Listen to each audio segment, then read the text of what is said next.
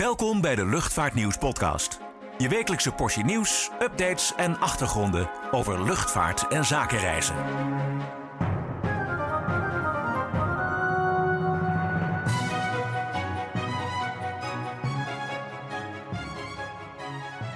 Welkom bij weer een nieuwe aflevering van de Luchtvaartnieuws podcast. Mijn naam is Klaas-Jan van Voerkom en op afstand zit zoals altijd mijn collega Niek Vernooy.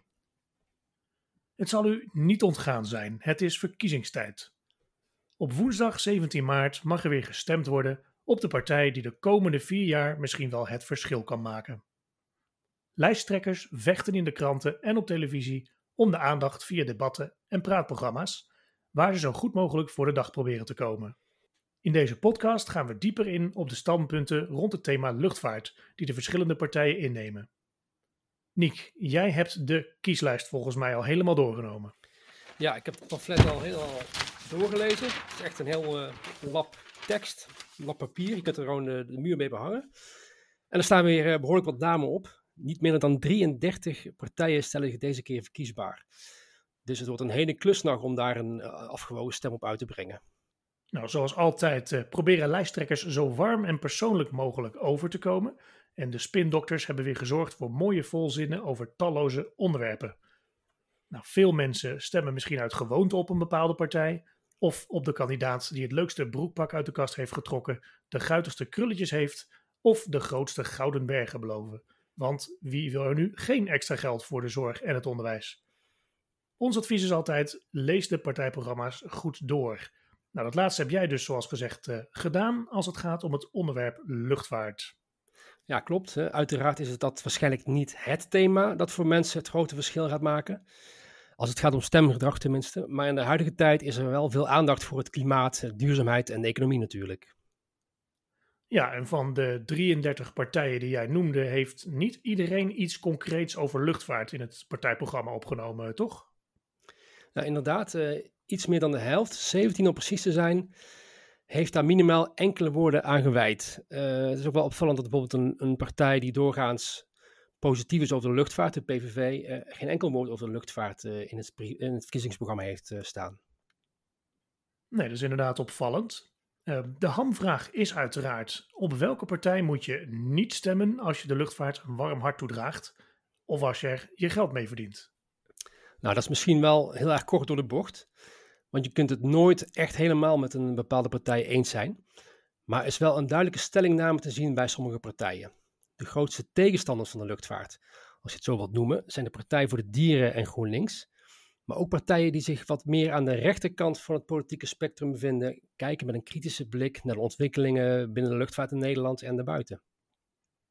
Ja, want uh, laten we wel wezen, er is flink wat gediscussieerd over onder andere Schiphol en Lelystad Airport de afgelopen jaren. Wat vinden de partijen van Schiphol? Mag dat blijven groeien? Moet het juist krimpen? Moet het misschien helemaal weg? Ja, van de grote partijen is eigenlijk alleen de VVD een voorstander van groei van Schiphol. de partij hamert op het in stand houden en beschermen van de hubfunctie. Uh, en het CDA is wat voorzichtiger. Uh, die partij wil het aantal vliegbewegingen beperken tot het huidige maximum van 500.000. Alle andere grotere partijen willen paal een perk stellen aan de groei van het aantal vluchten. Zo wil D66 uh, het aantal nachtvluchten halveren naar 14.000 per jaar. En de ChristenUnie wil dat in 2030 het maximum aantal van 500.000 vliegbewegingen met 10% wordt teruggebracht ten opzichte van nu. En de Partij voor de Dieren gaat erin het verst. Die willen een maximum van slechts 300.000 vliegbewegingen over 10 jaar. En ook nog wel bijzonder om te melden is dat Forum voor Democratie een luchthaven in zee eh, wil aanleggen en Schiphol op termijn helemaal wil sluiten. En op die plek komt dan ruimte voor woningbouw, recreatie en natuur. Ja, Lelystad Airport, dat uh, is al vaak vertraagd, de opening. De huidige planning is november, maar het is waarschijnlijk aan het nieuwe kabinet om daar echt een besluit over te nemen. Um, wat vinden de partijen van Lelystad Airport? Ja, veel partijen zijn tegen de opening van Lelystad Airport. Eh, de VVD, de partij van minister van Nieuwenhuizen, wil natuurlijk graag dat het open gaat. Maar coalitiepartner CDA lijkt een beetje terug te krabbelen. Ze willen het besluit over de opening laten afhangen van het herstel van de luchtvaart na de coronacrisis en rekening houdend met alle belangen, zoals ze het zeggen. Van D66 mag Lelystad Airport alleen open voor burgerluchtvaart als het niet leidt tot groei van de uitstoot en, en milieuvervuiling. ChristenUnie, die, uh, de vierde uh, huidige coalitiepartij, wil definitief een streep zetten door de opening van Lelystad Airport als vakantieluchthaven. Die willen natuurlijk hun achterban op de Veluwe en Overijssel ook tevreden stellen. En van de SGP mag Lelystad Airport trouwens wel open, maar uitsluitend om de overlast rond Schiphol te beperken en niet om verdere groei van de luchthaven te faciliteren. Ja, dus het, over het algemeen wordt het nog spannend voor Lelystad Airport. Uh, er gaan ook stemmen op om bijvoorbeeld Rotterdam die Heek Airport en Groningen Airport Eelde te sluiten. Ja, GroenLinks en de Partij voor de Dieren willen dat. Ze gaan daarbij volledig voorbij aan het feit dat je daarmee essentiële infrastructuur vernietigt natuurlijk. Erg kortzichtig lijkt me dat, want als er straks uh, elektrische vliegtuigen zijn of vliegtuigen die op waterstof vliegen, en die zullen er echt komen, dan heb je geen vliegveld meer om die vluchten af te handelen. Uh, de meeste andere partijen willen uh, dat de groei op de regionale luchthavens aan banden wordt gelegd trouwens. Ja, in Nederland geldt sinds dit jaar weer een vliegbelasting. Uh, waarop veel kritiek is vanuit de luchtvaart en ook daarbuiten, omdat de opbrengsten daarvan niet ten goede komen aan verduurzaming. Zijn er veel partijen die nog steeds voorstander zijn van die vliegtax? Ja, praktisch allemaal. er gaan wel stemmen op om de nationale vliegtax in te wisselen voor een Europees alternatief. Uh, maar de linkse partijen vinden dat de huidige vliegtax nog te laag is en willen deze verhogen. En de SP wil de vliegtax alleen laten gelden voor veel vliegers. Dus niet voor degene die een keer uh, of die één keer per jaar met een vliegtuig uh, naar een vakantiebestemming reizen. Verder zijn de meeste partijen voor de invoering van een accijns op kerosine. Ook de VVD trouwens, maar dan wel in internationaal verband. Ja, nou, dat klinkt ook logisch, want uh, dat is op dit moment ook internationaal uh, geregeld zelfs. Uh, bijeen had trouwens ook nog wel een aardige, uh, ja, een aardige regel over, over luchtvaart, toch? Ja, ze zijn voor de invoering van accijns op kerosine en ook voor hogere belastingen voor de luchtvaart. En dat leidt natuurlijk tot duurdere tickets. Maar de partij wil specifiek dat tickets naar de Antillen en Suriname ondanks prijsstijgingen betaalbaar blijven. Ik ben benieuwd hoe ze dat willen gaan realiseren. Ja, dat, is, uh, dat riekt naar discriminatie. En dat is toch juist uh, een van de dingen waar uh, bij een, nou ja, tegen strijdt. Um, verduurzaming, ja goed, staat sowieso hoog op de agenda. Um, ook ondanks de coronacrisis, of zelfs juist door de coronacrisis. kijk bijvoorbeeld naar de overheidshulp aan KLM. de voorwaarde daarvan is dat KLM zich extra moet inspannen om minder uitstoot te veroorzaken. Wat, uh, wat zeggen de politieke partijen daarover?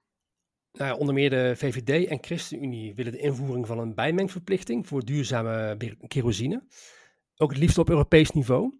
En eigenlijk willen alle partijen dat stillere, schonere en zuinigere vliegtuigen een bijdrage leveren aan het terugdringen van de overlast uh, voor de directe omgeving. Uh, van het CDA moeten daarvoor in de volgende kabinetsperiode technologische projecten worden gestimuleerd. Wat de VVD betreft kan de inzet van schonere en stillere vliegtuigen een groei van het aantal vliegbewegingen mogelijk maken. Andere partijen zijn daar minder uh, uh, ja, duidelijk in. Linkse partijen willen een lagere uitstoot vooral bereiken door minder te gaan vliegen. Veel partijen willen dan ook korte vluchten minder aantrekkelijk maken, bijvoorbeeld door extra heffingen in te voeren.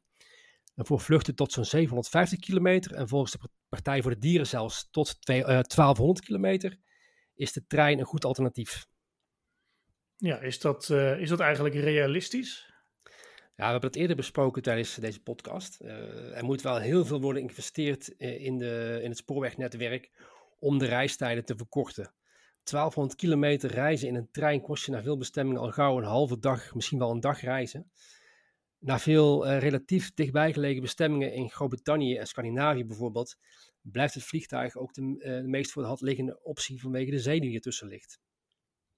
Ja, en uh, KLM-topman Pieter Elbers die gaf eerder al aan dat, uh, dat hij best minder wil vliegen uh, op, op korte afstanden.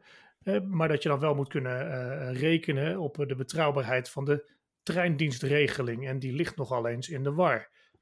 Kijk naar de afgelopen week. het waait hard, er vallen wat takken op het spoor en ineens rijden er minder treinen. Nou, ook met sneeuwval, zoals in februari, zag je chaos. Zou het niet beter zijn om sowieso een aantal vluchten naar bijvoorbeeld Brussel of Düsseldorf overeind te houden, zodat reizigers uh, niet stranden?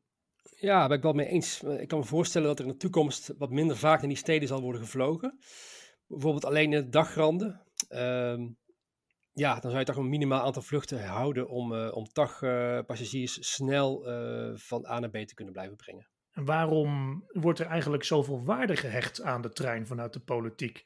Is die nou echt zoveel duurzamer eigenlijk dan het vliegtuig? Ja, daar verschillende meningen over. Sommige politici zijn idolaat over de snelle trein, omdat die minder zou uitstoten.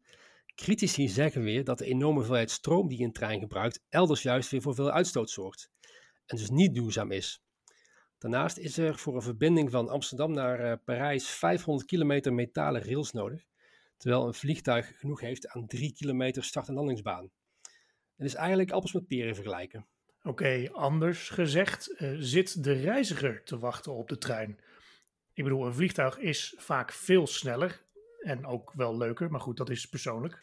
Nou ja, het voordeel van de trein is dat je midden in de stad arriveert. Dat je weinig tijd kwijt bent voor vertrek en na aankomst. De netto reistijd is uh, voor veel nabije bestemmingen niet veel lager ten opzichte van het vliegtuig.